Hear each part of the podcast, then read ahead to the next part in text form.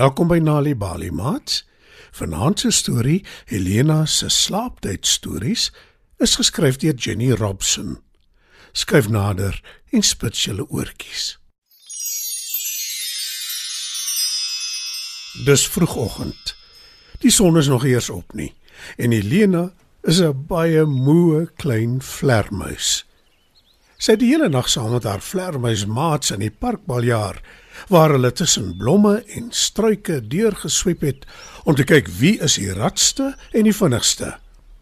Sy het pas 'n heerlike vroeë ontbyt geniet, muskiete en motte. En nou is dit tyd vir 'n goeie nagrus. Vlermuise soos Helena geniet nie 'n nagrus nie, hulle geniet 'n dagrus. Want snags is hulle wakker. Dan kerjakker hulle en eet insekte. Die son is amper op. sê Helena terwyl sy huis toe vlieg.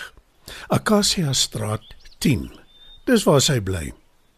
Daar aangekom, kruip sy onder die huis se dak in en sy hang aan een van die balke. Onderste bo natuurlik, want dis hoe vlermuise soos Helena slaap. Sy strek haar vlerke vir oulaas en vou hulle dan styf teen haar lyf.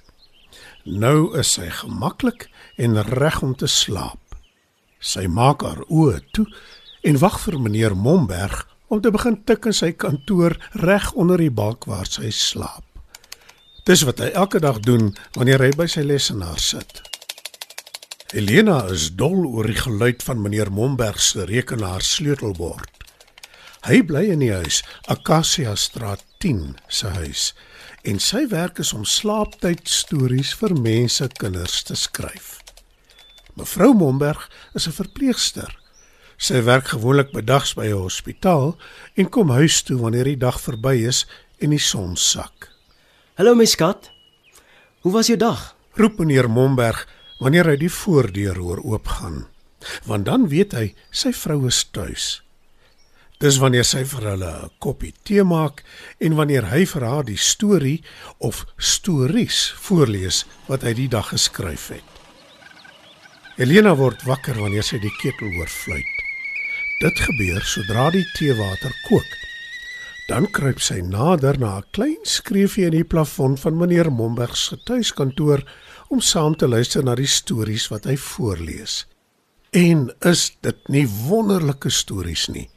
Daar is seerowers wat op onstuimige seewaters vaar, konings wat oor koninkryke regeer, flaminke wat in mere bly en dapper mense kinders wat na vreemde plekke toe reis en wonderbaarlike dinge ontdek. My lewe is eintlik heel onderste bo.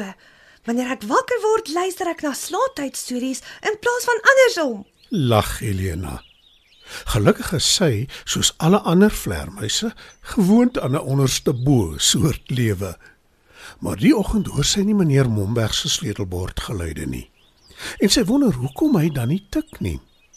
Wat sy wel hoor, is geluide van meubels wat rondgeskuif word in die huis. Helena loer deur die skreefie in die plafon. En nou? Wat gaan hier aan? Wonder sy verbaas. Twee mans stel meneer Momberg se lesenaar op en dra dit uit sy kantoor. Hulle kom terug en vat sy stoel en boekrak vol boeke met slaaptydstories. Maar trek meneer Momberg dan uit by Acacia straat 10? Wonder Helena. En haar oë skiet vol trane. Niks meer slaaptyd stories nie. Dis aaklig, roep sy. Helena is so hartseer dat sy sukkel om aan die slaap te raak. Na 'n hele ruk slymer sy wel in. En die aand toe sy teen sononder wakker word, neem sy 'n besluit. Ek gaan soos die dapper kinders in meneer Momberg se stories wees. Ek gaan sy ander huis soek en wanneer ek dit kry, sal ek daar gaan bly en ek sal weer elke aand na my slaaptyd stories kan luister wanneer ek wakker word. Die aand gaan speel sy nie saam met haar vlermuismaats in die park nie. In plaas daarvan om tussen die bome en struike deur te sweep, sweep sy tussen huise deur op soek na meneer Momberg want daar is soveel strate en soveel huise. Dis hopeloos. Hoe sal ek meneer Momberg ooit kry? Hy dalk selfs na 'n ander dorp toe getrek. Sug sy moedeloos na 'n lang nag se gesoek. Die son begin opkom en die klein vlermuis vlieg moeg en moedeloos terug na Acacia Straat 10 toe. Wat anders? Sy hang onderste bo aan haar bak en vou haar vlerke styf teen haar lyf. Maar net toe sy amper aan die slaap is, hoor sy 'n lawaai onder in die huis. Helena loer deur die skreefie in die plafon. Sy sien dis 'n seun wat so raas. Hy speel met sy karretjies op die vloer en maak geluide. Vroom, vroom, piep piep. Speel die seun. Daarna begin hy met sy boublokkies speel. Hy stapel hulle op mekaar en stamp dan die stellasie om. Sal ek ooit weer hier kan slaap? Wonder Helena. Maar sy is so moeg na die heel nag se gesoek na meneer Momberg dat sy wel insluimer.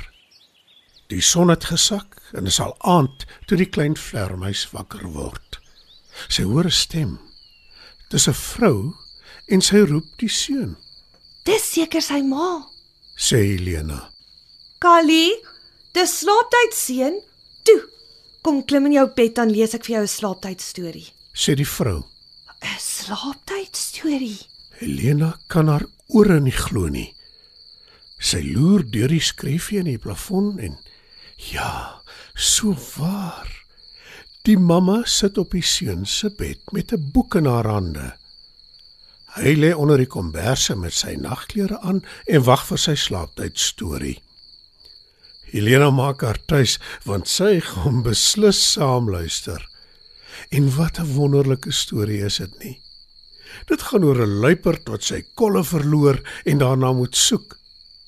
Toe die storie klaar is, vra die seun: Sal mamma asseblief vir my die storie lees oor die prins wat in die oerwoud verdwaal? Môre aand Kali. Dis nou eers slaaptyd my liefie. antwoord die mamma en gee haar seun 'n goeie nag soen. 'n Prins wat in 'n oerwoud verdwaal? Dit klink opwindend. Dink Helena. En met 'n groot glimlag op haar gesig, vlieg die klein vlermuis na die park toe om die aand saam met haar maats te speel. Dit was dan ons Nali Bali storie vir vanaand. Helena se slaaptydstories is geskryf deur Jenny Robson.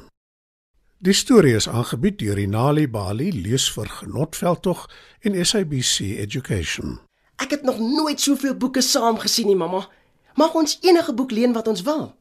Natuurlik seun, dis 'n openbare biblioteek.